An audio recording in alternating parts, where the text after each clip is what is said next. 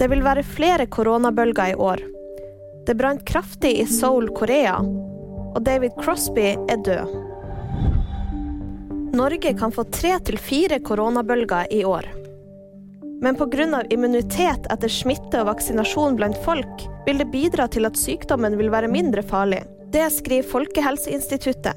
Covid-19 vil likevel gi mange sykehusinnleggelser i flere år framover. Spesielt da blant de eldre, ifølge Aftenposten. Det brant kraftig i et slumkvarter i Seoul, Korea, fredag morgen.